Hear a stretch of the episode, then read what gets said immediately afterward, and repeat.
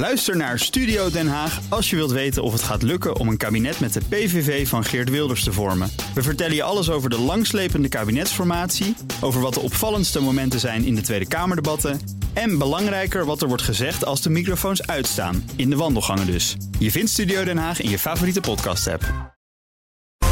Luister ook eens naar deze podcast. Baan door het brein.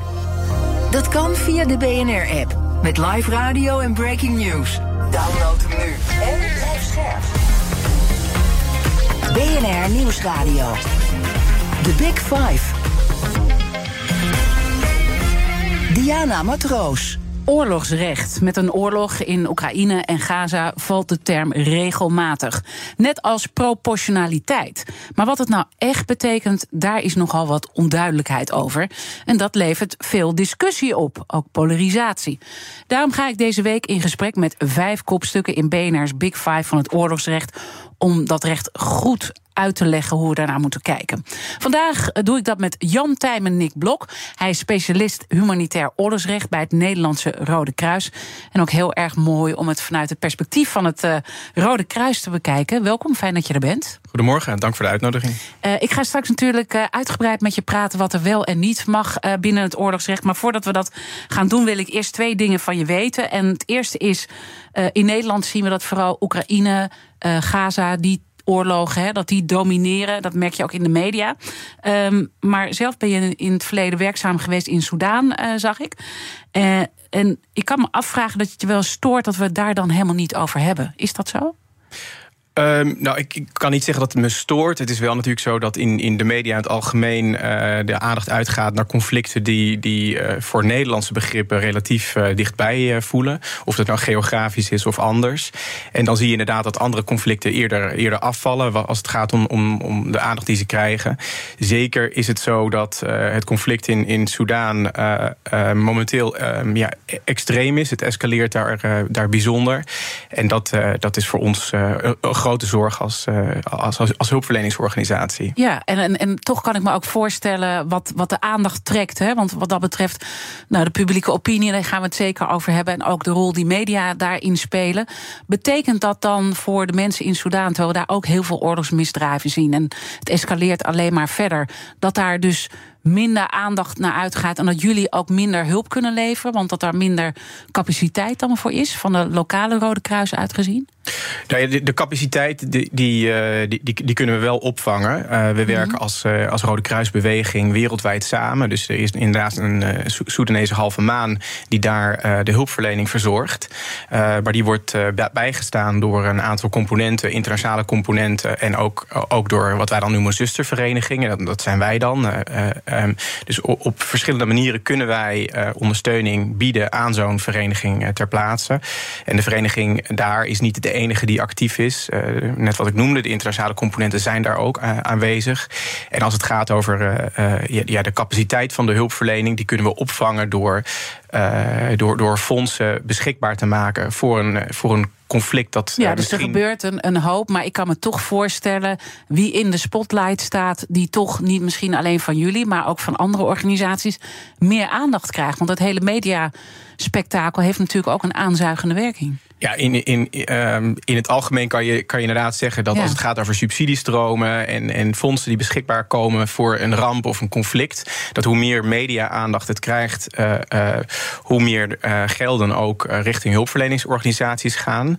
maar het is aan ons de taak, ook op basis van, van onze onpartijdigheid, om ervoor te zorgen dat, dat, dat voldoende gelden ook beschikbaar komen voor conflicten die minder aandacht krijgen. En dan een tweede wat ik van je zou willen weten, want echt de, de aandacht is nu vooral gevoerd gefocust eigenlijk op de oorlog Israël-Hamas en de situatie uh, in Gaza.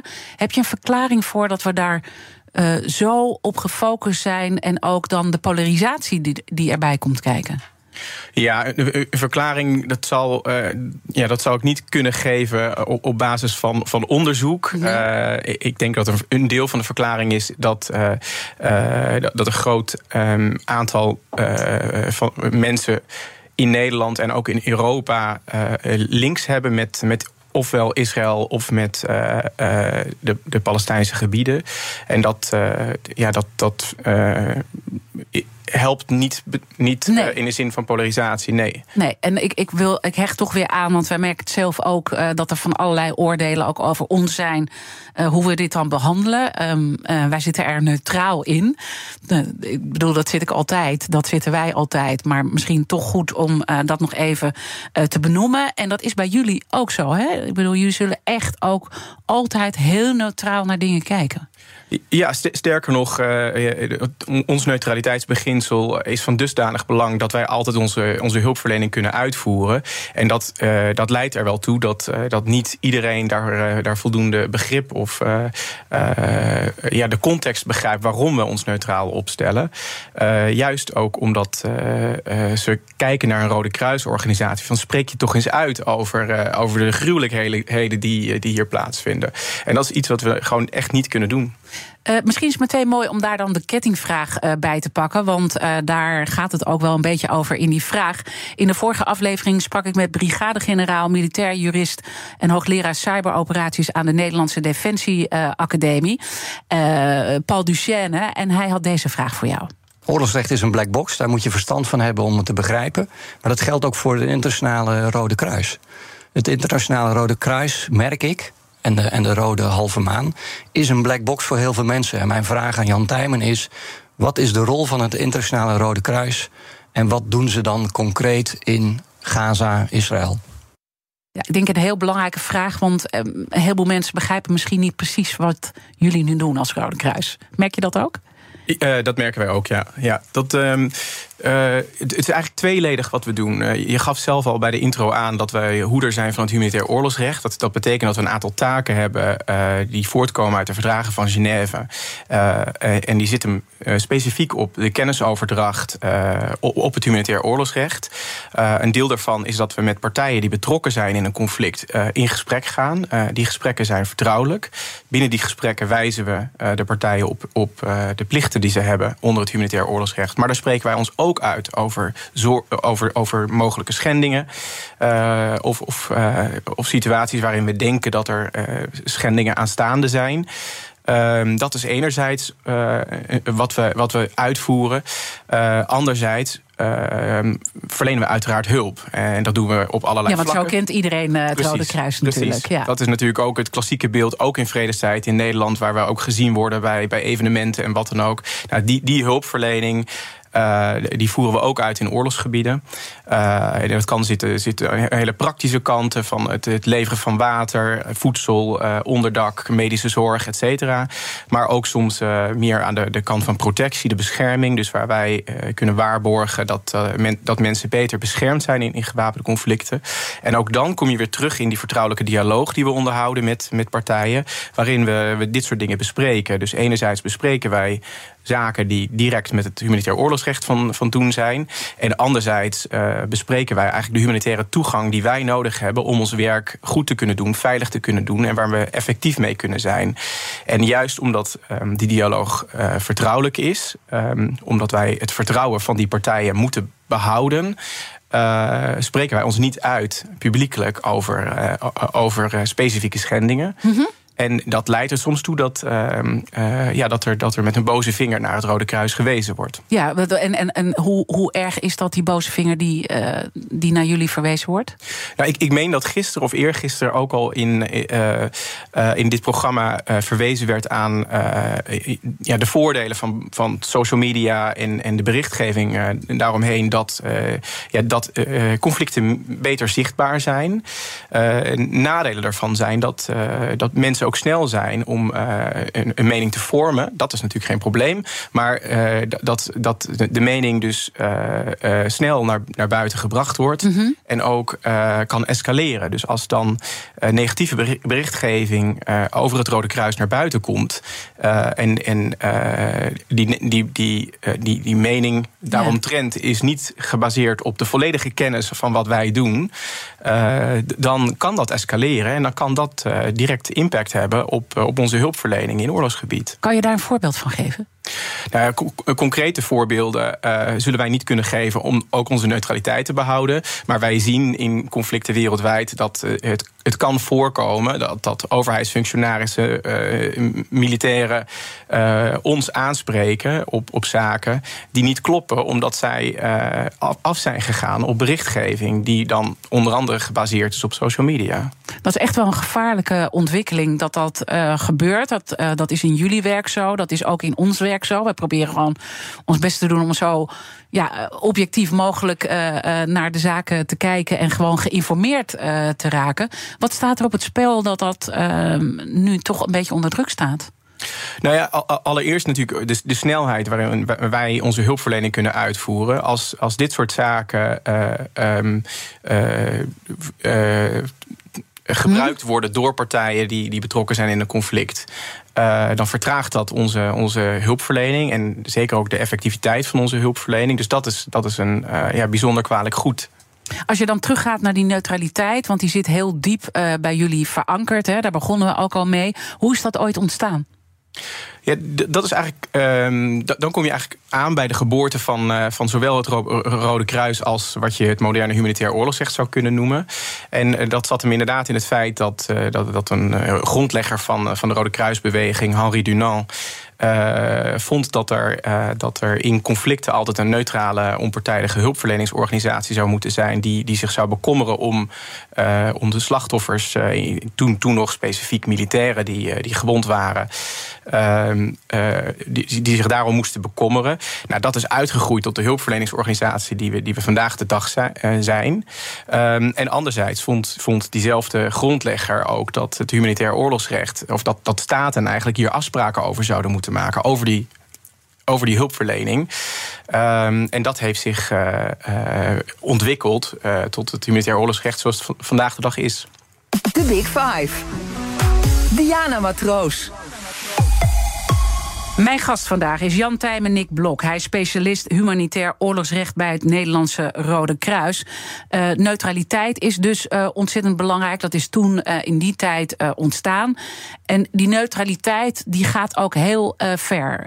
misschien is dat mooi om dat toch ook te bespreken. We komen straks wel bij de hoeder van het oorlogsrecht ook uit, die rol die jullie vervullen.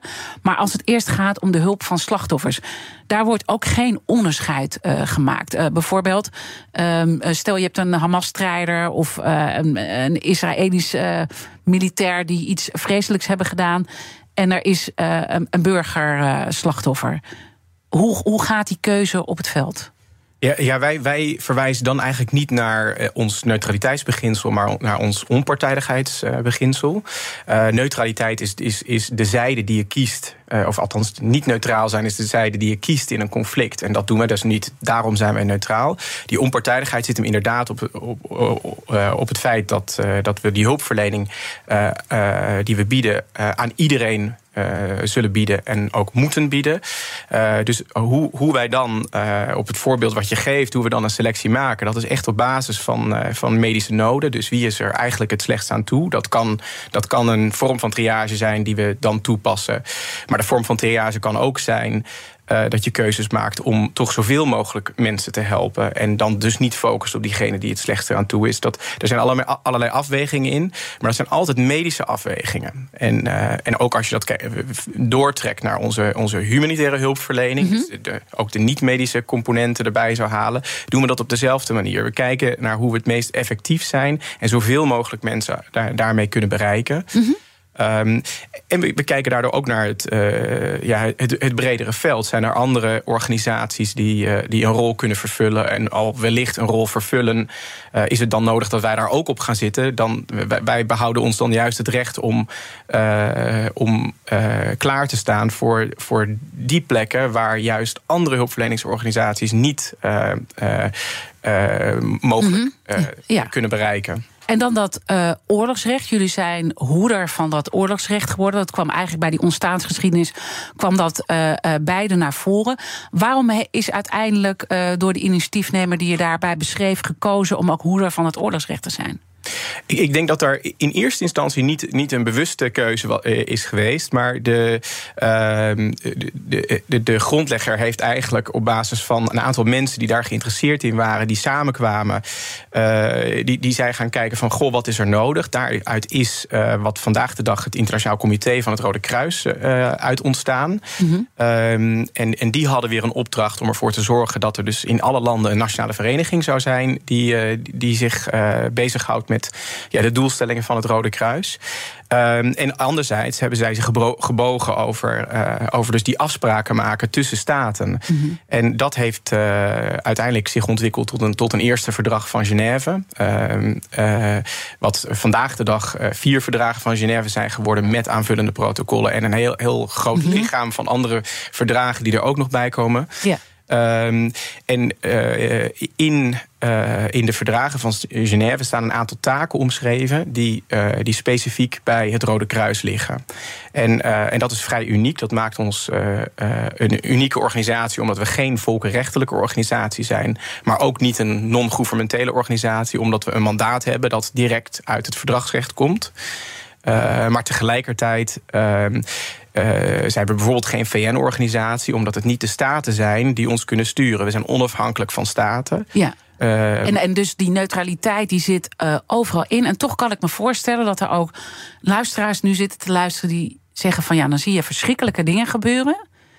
En dan blijf je toch neutraal, wetende dat het oorlogsrecht wel een bepaalde basis biedt, maar dat daar ook een black box, hè, want dat valt mij gewoon op in de gesprekken nu ja, het is ook soms heel vaag wat er allemaal aan die targetingkant gebeurt. Hè. De, de, de, de, de commandant die bepaalde uh, beslissingen uh, neemt. Ook uh, nou ja, geflankeerd door militair juristen. Maar wij snappen ook een hoop niet wat er daar gebeurt. En dat maakt het tegelijkertijd ook een, ja, benauwd een beetje dat dat dan op die manier gebeurt. Want je wil ook sturen in zo'n conflict eigenlijk. Dat het zo snel mogelijk ophoudt.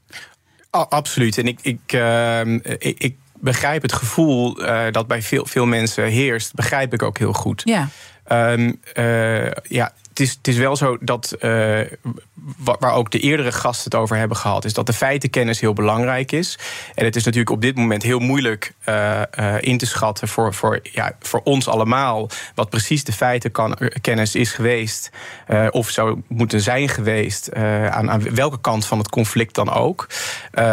dat, dat is één punt. Anderzijds is het zo dat wij, wij ons niet kunnen uitspreken over schendingen publiekelijk. Dat wil niet zeggen dat wij ons niet uitspreken over, um, over de gruwelijkheden die wij zien. Uh, wij, wij, wij, spreken daar publiekelijk over. Ja, dat zag ik vandaag ook. Uh, zagen we iemand uh, van jullie lokale organisatie in Gaza die echt. ja, de meest afschuwelijke taferelen eigenlijk beschrijft. En die zegt: politiek komt tot een oplossing. Um, toch wordt er niet een kant gekozen. Nee. Toch ook daar weer die neutraliteit. Ja.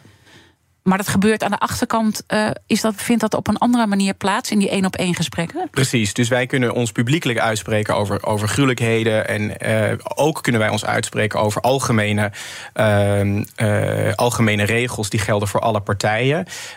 dus, dus waar we, we oproepen tot burgerbescherming. Nou, dat is natuurlijk een, een fundamenteel onderdeel van het humanitair oorlogsrecht. Daar doen we al een oproep. We koppelen dat alleen niet aan een specifieke partij die zich dan schuldig zou maken.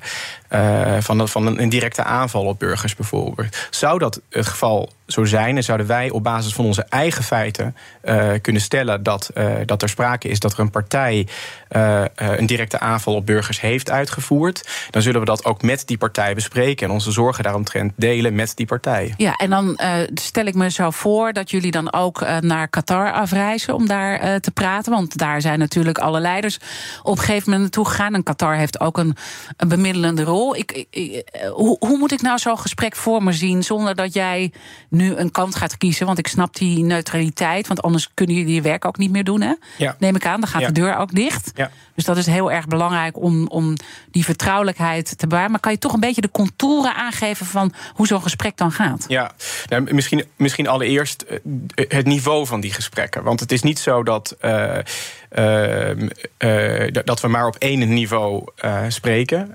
in, in principe kan je stellen dat in alle conflicten waar, wij, waar wij aanwezig zijn, dat vaak de, de relaties die er zijn met partijen al bestonden voordat er een escalatie van zo'n conflict was.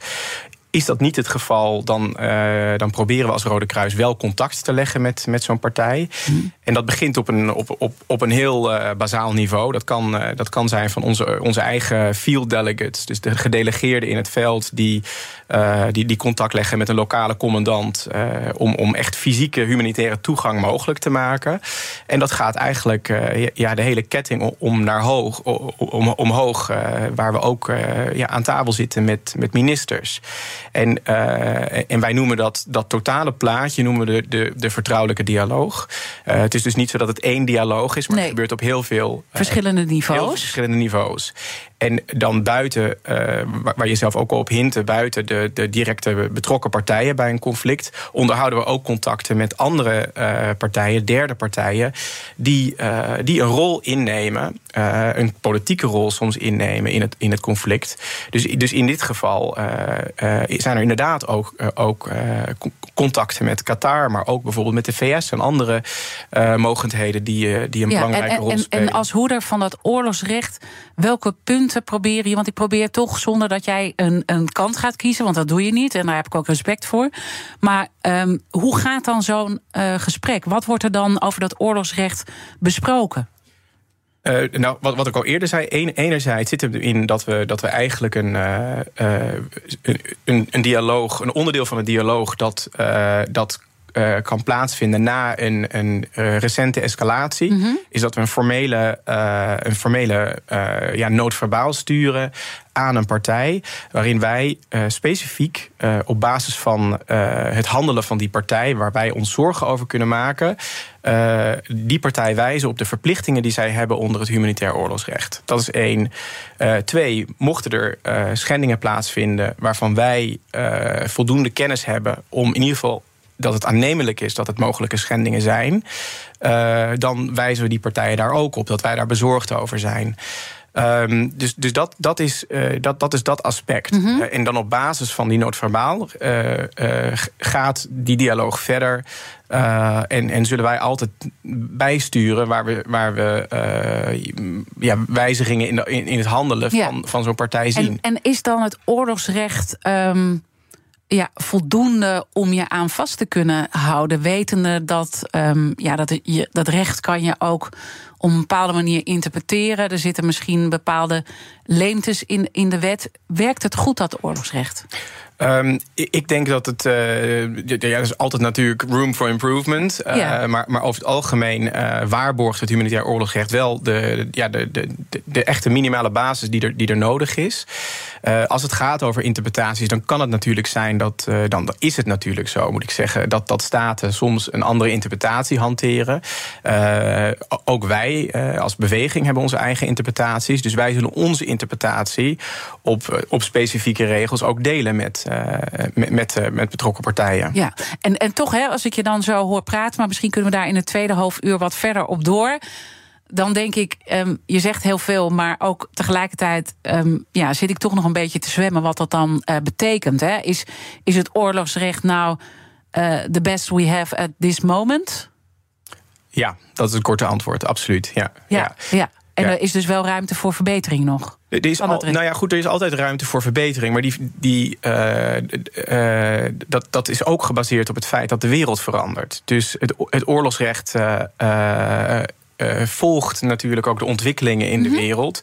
Dus waar, uh, ja, ik noem maar wat, waar de chemische wapens gebruikt zijn uh, in, in een oorlog, zie je vervolgens dat er, ja, dat er zorgen worden geuit. Dat we toch echt moeten komen tot een, verdrag op het gebruik, een, een verbodsverdrag op, op gebruik van chemische wapens. Dat is er ook gekomen. Mm -hmm. Uh, zorgen rondom landmijnen uh, zijn er geweest. Nou, ook daar zijn dan specifieke regels weer uh, om, omtrent ontstaan. Ja, dus in die zin is het adaptief ook, dat ja. oorlogsrecht. Ja. Laten we zo meteen verder praten, want jullie geven ook les in Oekraïne. Want laten we dat vooral ook niet vergeten.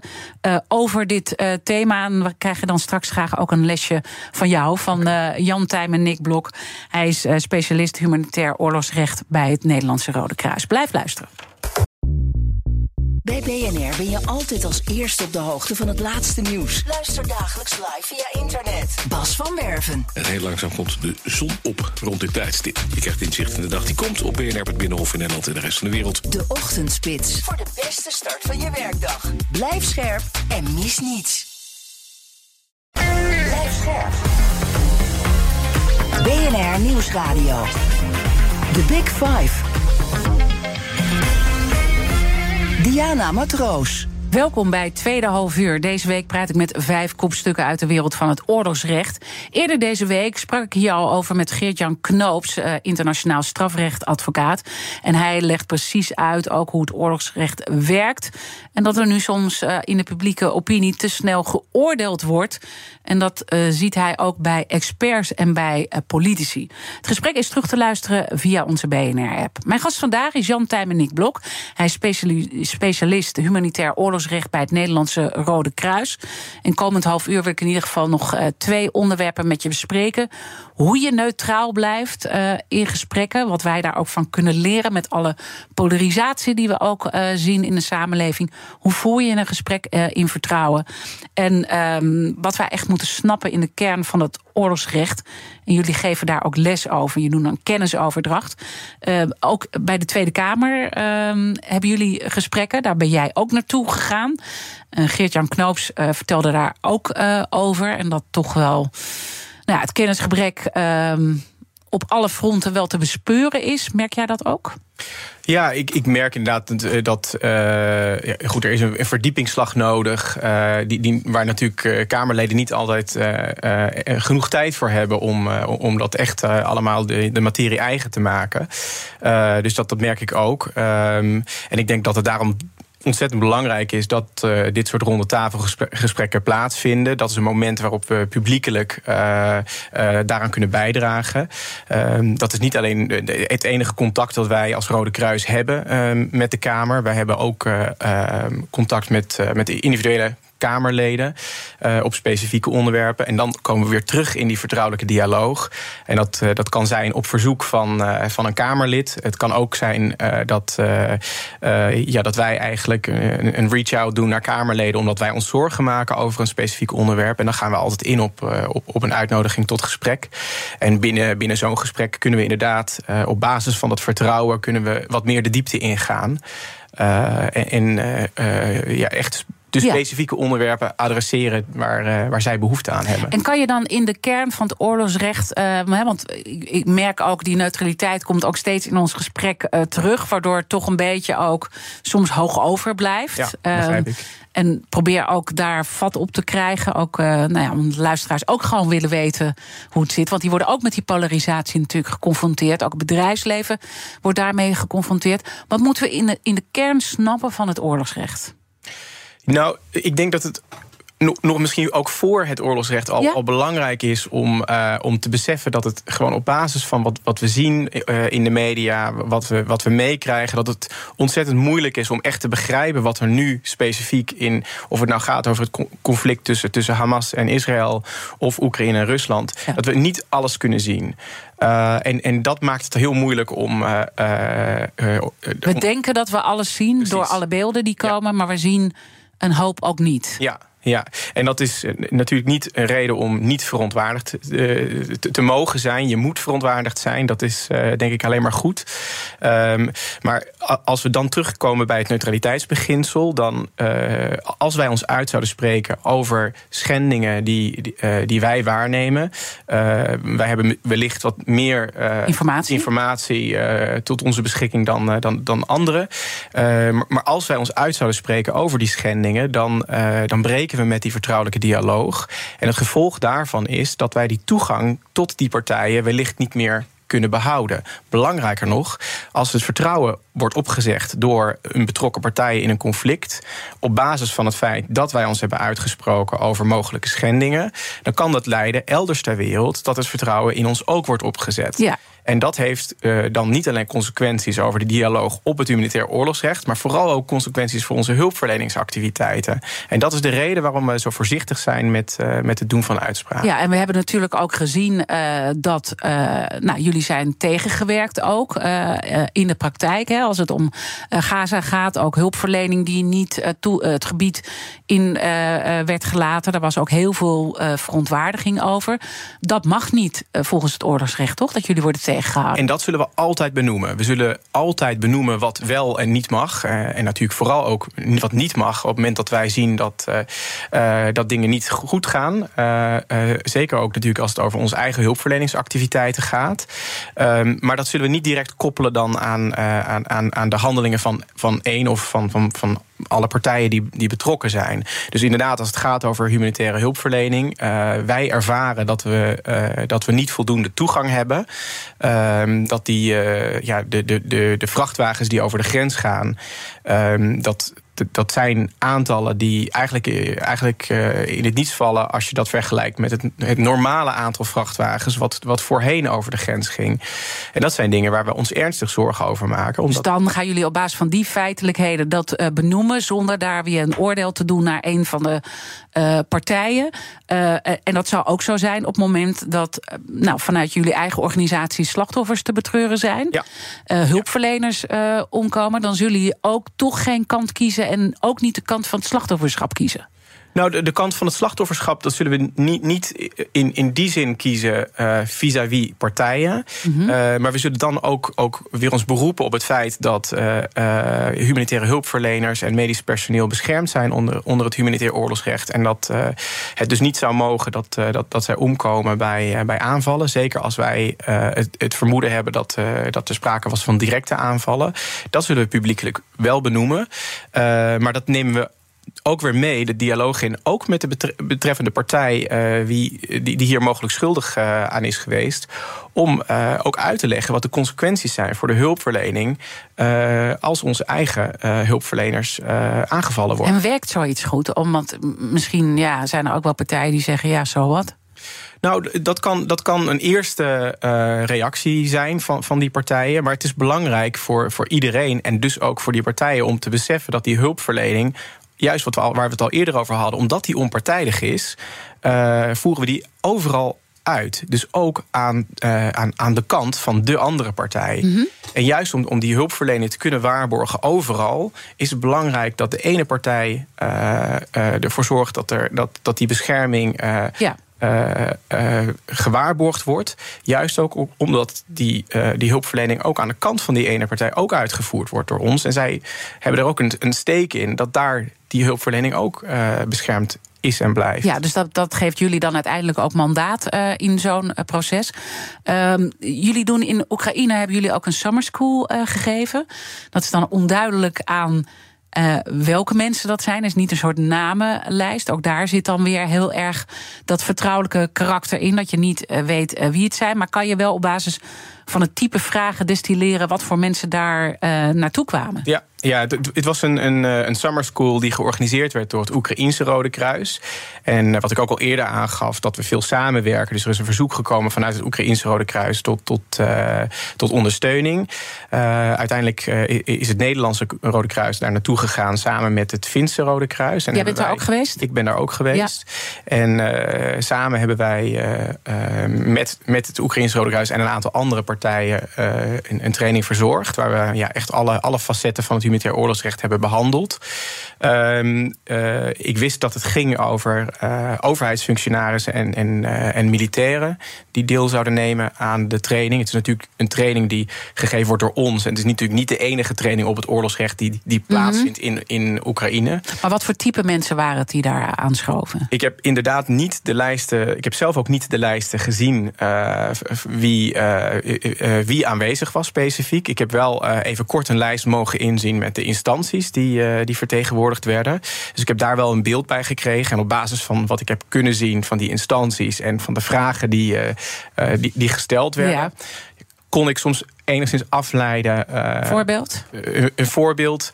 Um, Ja, nou, ja, ik wist dat uh, uh, er bijvoorbeeld mensen van het Openbaar Ministerie aanwezig waren.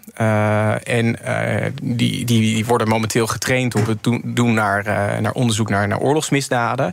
Dus daar werden soms vrij concrete vragen uitgesteld om, omtrent het onderzoek doen naar oorlogsmisdaden. Dus het was eigenlijk een één op één om, om wel te kunnen vaststellen dat dat ja, want dat zijn natuurlijk mensen die met, met strafzaken te maken hebben gehad, maar nog nooit met oorlogsmisdaden. En die moeten daar opeens dan uh, iets van vinden uh, in de praktijk en daar uh, naar handelen. Precies. Ja. Wat voor praktische problemen lopen zij tegenaan? Kan je daar iets meer over zeggen? Nou, ik, ik denk uh, capaciteit is iets uh, dat, dat ze eigenlijk heel snel hebben moeten opschalen met het aantal uh, onderzoekers dat voor, voor, voor zo'n openbaar ministerie werkt.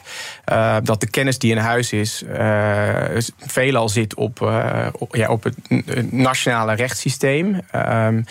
En, en, dat de, de, kennis omtrent het oorlogsrecht dus niet, niet voldoende uh, gewaarborgd is. Uh, en dat, dat, dat een reden is dat, dat, dat daar dan mm -hmm. uh, dat ze een snelle groei okay, maar ik zal je even helpen, want ik heb ja. een paar voorbeelden voorbij zien komen. Bijvoorbeeld dat graanschip waar heel veel over te doen is geweest. Hoe moet je dat nou zien? Moet je dat als een militair doel zien of is het een civiel doel? Hè? Dat, dat zijn wel... Ja de dingen die via het oorlogsrecht uh, besproken worden. Of, of de situatie rondom een school. Of, of communicatie met uh, Russische gevangenen in Oekraïne. Mag dat wel of niet als je dat ook uh, naar buiten toe in de media gaat uh, tentoonspreiden. Kan, ja. je, kan je iets over die voorbeelden zeggen? Nou ja, zo'n zo voorbeeld over een, een, een graanschip. Uh, dat was inderdaad, dat, dat, speelde toen in die periode af. Ja. Dat er vanuit Rusland werd gesteld dat graanschepen gezien zouden worden als militaire doelen. Ehm, dan, uh, dan wordt eigenlijk de vraag gesteld: klopt dat? Is het zo dat een, een graanschip een militair doel is? En dat is iets wat we niet, uh, uh, wat ik op dat moment niet kan invullen, omdat ik de feiten niet heb, waar we het al eerder over hebben gehad. Maar ik kan wel uitleggen dat een, een burgerobject beschermd is en dat een graanschip in principe een burgerobject is. Maar dat er, dat er een moment kan zijn dat een, een graanschip een militair doel zou worden, waar ik bij niet dus bij suggereert dat dat in dit geval zo was. Zo was. Maar ik kan wel uitleggen wanneer een, een burgerobject uh, ja, de bescherming verliest, waar het uh, anderzijds uh, recht op heeft.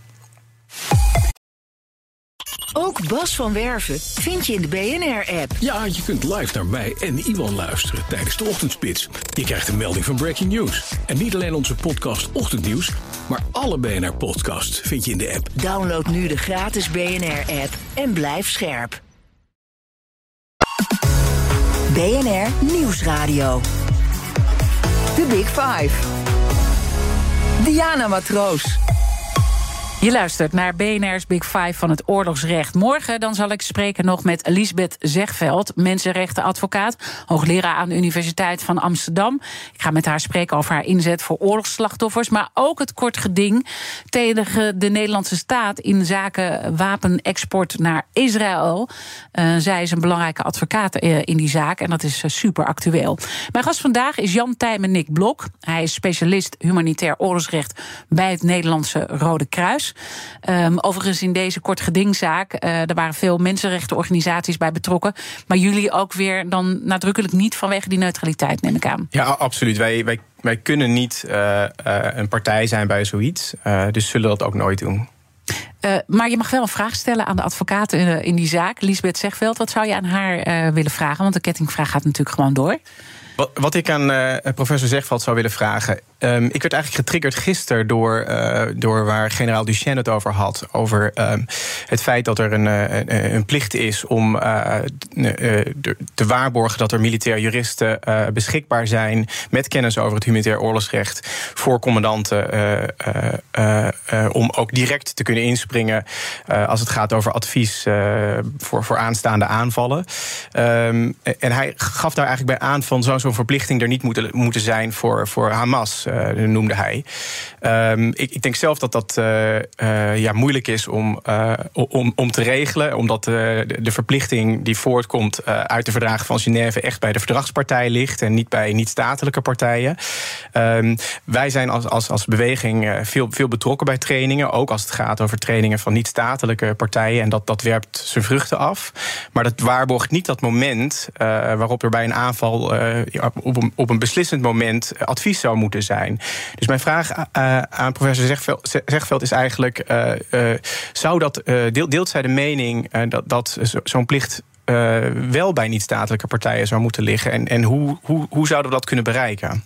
Mooie vraag, die ga ik haar uh, zeker stellen. En laten wij dit slotstuk uh, gebruiken ook van het gesprek om toch uh, binnen de, de, de, de, de, ja, de, de ruimte die je daarvoor hebt, toch nog wat invulling te geven aan jullie werk ook in Gaza. Want een belangrijk punt hebben we daar nog niet bij gehad. Hè. Jullie zijn ook bij één op één gesprek op verschillende niveaus betrokken.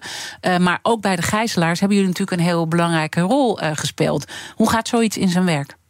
Nou, um, het, het, begin is eigenlijk dat wij, uh, dat, dat, wij eigenlijk onze diensten kunnen aanbieden. Dus wij kunnen op het moment dat, uh, dat zo'n situatie ontstaat, kunnen we bij de betrokken partijen aanbieden dat wij een faciliterende rol kunnen gaan vervullen. Belangrijk om te benoemen is dat wij, wij geen onderhandelpartij zijn. dat, dat is iets, we kunnen niet onderhandelen, want we hebben feitelijk niks om mee te onderhandelen. Ehm, maar we kunnen wel faciliteren. En dat wil zeggen dat wij, dat we allereerst natuurlijk aanbieden dat we de gegijzelde kunnen bezoeken. Uh, en dat, dat zit hem in dat wij willen, uh, willen kunnen zien dat, dat er sprake is van menselijke behandeling. Ehm, daarnaast is het ook belangrijk voor ons om te kijken of wij een rol kunnen spelen in, in een stukje medische verzorging als dat nodig is. Dus zijn er onder de gegijzelde mensen die medicijnen gebruiken? zijn er verwondingen of ziektes ontstaan waar wij op dat moment hulp kunnen bieden? Dat is dus iets wat we, wat we aanbieden. Dus die, dat bezoek van, van gegijzelden. Dat is ook een, een, recht dat wij hebben vanuit de verdragen van, uh, van, van Genève. Ehm, daarnaast is het zo dat we natuurlijk bij, uh, ja, bij de, de, de, de, het transport en de uitlevering van, ja. van gegijzelden ook een rol kunnen spelen. Ja, dat zagen we jullie heel duidelijk ook in beeld. Hè? Dus dat is dan echt dat jullie dan het transport doen. Ja, met name omdat het contact uh, dat er anders zou moeten zijn tussen, uh, tussen partijen, dat, uh, dat, dat dat fysiek niet hoeft plaats te vinden, omdat wij daar, daartussenin zitten. Uiteraard is het zo dat, dat wij daar wel een aantal eisen bij stellen. En die eisen die zitten natuurlijk aan de ene kant op het stukje veiligheid. Er moet mm -hmm. echt veilig, en het moet een veilige situatie voor ons zijn en voor alle betrokkenen om, om, om dit te kunnen ondersteunen. En anderzijds dat er afspraken duidelijke afspraken moeten zijn gemaakt hieromtrent tussen de, de partijen. De inhoud van die afspraken, daar hoeven we, daar hoeven we niet alles over te weten. Uh, maar wel dat die afspraken er zijn en dat er garanties zijn dat, dat beide partijen uh, die, die afspraken na zullen komen. Uiteindelijk zijn, er, uh, zijn jullie dus niet hier in onderhandelingen uh, betrokken. Maar als je gewoon naar jullie rol als hoeder van het oorlogsrecht kijkt, dan hebben jullie nou niet een onderhandelende rol, maar wel gewoon wijzen op het oorlogsrecht elke keer. En, en, jij hebt dat ook in andere situaties gedaan, zonder die situatie te benoemen. Wat voor capaciteiten vraagt het om in zo'n heel complexe situatie een goed gesprek uh, te voeren? Welke waarden moet je meebrengen in zo'n gesprek? Ja, het allerbelangrijkste is echt vertrouwen. Um, dus waar, uh, waar we soms overkomen dat we krampachtig niet dingen naar buiten brengen, uh, dat is juist, van, van, juist om dat vertrouwen te kunnen waarborgen in die situaties. Als je, het als je het vertrouwen van de andere partij niet hebt, dan, dan, dan kan je eigenlijk die relatie niet goed onderhouden daarna. En uh, dat, dat, dat vertrouwen dat is echt dus gebaseerd op het feit dat wij ons niet uitspreken publiekelijk. En dat moet de partij weten. En dat kunnen ze ook zien op basis van, uh, van ons verleden. Uh, dus ik zou zeggen dat dat echt het allerbelangrijkste element is. Daarnaast is het natuurlijk zo dat je ook ja, toch wel een persoonlijke klik moet hebben. En daar wil ik vooral niet mee bedoelen dat het gaat om een vriendschappelijke klik. Maar er moet wel iets van een connectie kunnen ontstaan tussen, eh, tussen de mensen met wie je contact hebt. Uh, en dat zou ook kunnen betekenen dat als dat er niet is, dat wij wisselen van, uh, van, van, van de mensen die betrokken zijn met, met betreffende partijen. En dan nou, heb je op een gegeven moment een, een, een klik zonder dat je een vriendschap hebt. Hè, maar je kan nou ja, met elkaar door één deur. Wat, wat, wat is vooral dan verder in zo'n gesprek uh, belangrijk? Moet je uh, in het perspectief van de ander gaan staan of uh, juist niet? En dat vraag ik ook omdat. Ik probeer ook wat lessen te trekken, omdat ook het bedrijfsleven wordt geconfronteerd met polarisatie op de werkvloer. We horen overal, het draait om vertrouwen, hè, ook in de politiek. Nou, dat is ongeveer de waardes waar jullie altijd rondom werken. Wat zouden wij kunnen leren van het werk wat jullie op, op zo'n moment doen? Ja, ik, ik denk. Uh, het is belangrijk te benoemen dat we niet. Uh, niet, niet, het handelen van een andere partij, uh, van een betrokken partij, proberen te begrijpen. Uh, dat is niet onze rol. Wat, wel, wat we wel doen, is ja, die, die partij proberen te beïnvloeden. Mm -hmm. om, om met ons problemen op te lossen. Zoals zo'n situatie rondom gegijzelden. Dat wij daar een belangrijke rol in kunnen spelen. En dat door onze aanwezigheid eigenlijk dat proces daaromtrent makkelijker zou kunnen worden moet ik er wel bij zeggen dat wij natuurlijk niet de enige partij zijn nee. die, die zoiets kunnen uitvoeren. Maar gebruik je dan het oorlogsrecht daarbij, of niet? Nee, dat, wat ik net noemde, het recht om, uh, om, om uh, gevangenen te bezoeken. Mm -hmm. Het gaat hier om gegijzelden, maar in bredere zin het, bezoek, het gevangenenbezoek hebben wij een recht op. Dus wij wijzen dan een partij op, op, dat, op het feit dat wij het recht hebben op het bezoeken van, van gevangenen, gedetineerden, gegijzelden.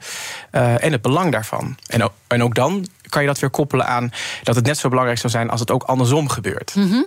En, en, en uiteindelijk gaat het dus om met het oorlogsrecht in handen uh, zoeken naar een oplossing zonder te oordelen over wat de ander doet. Begrijp ik het zo goed? Ja, ja dat, dat, is, dat is vooral voor, voor ons nu, uh, nu ter plaatse, waar dan ook ter wereld, is het ontzettend belangrijk om, om dat te doen. Uh, en, en dat, dat oordeel, dat, om ons werk te kunnen blijven doen, moet dat oordeel ook uitblijven. Natuurlijk is het zo dat je als, als individueel persoon uh, je eigen bedenkingen hebt en, en wellicht ook je eigen oordelen klaar hebt. Maar dat is uh, op, op, het moment dat wij daar als, als iemand namens het Rode Kruis staan, dan kunnen we, dat, kunnen we daar niks mee. En nee. dat, dat is een. ja. Het lijkt me ontzettend moeilijk. Dat is het ook. Ja. ja. Heb, je, heb je het zelf wel eens moeilijk gevonden? Uh, ik, ik heb in situaties gewerkt waar ik uh, ja, wist waar uh, de persoon aan de andere kant van de tafel zich mee bezig had gehouden. waar ik niet achter kon staan, maar daar kon ik op dat moment niks mee. Dat is dat, dat zijn ja, een gevoel wat je hebt, ja. maar dat gevoel moet je echt even uitschakelen. En hoe doe je dat? Want dat is juist zoiets wat, wat wij ook in de Nederlandse samenleving zo ontzettend moeilijk vinden.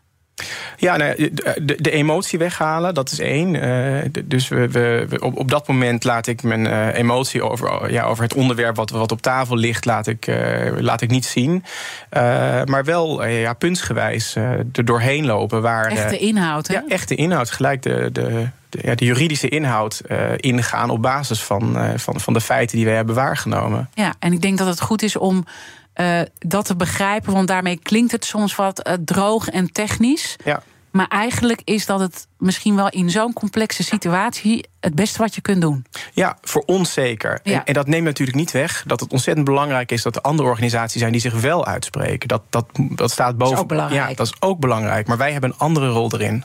Dankjewel dat je te gast wilde zijn. Jan Tijmen, Nick Blok van het uh, Rode Kruis, het Nederlandse Rode Kruis.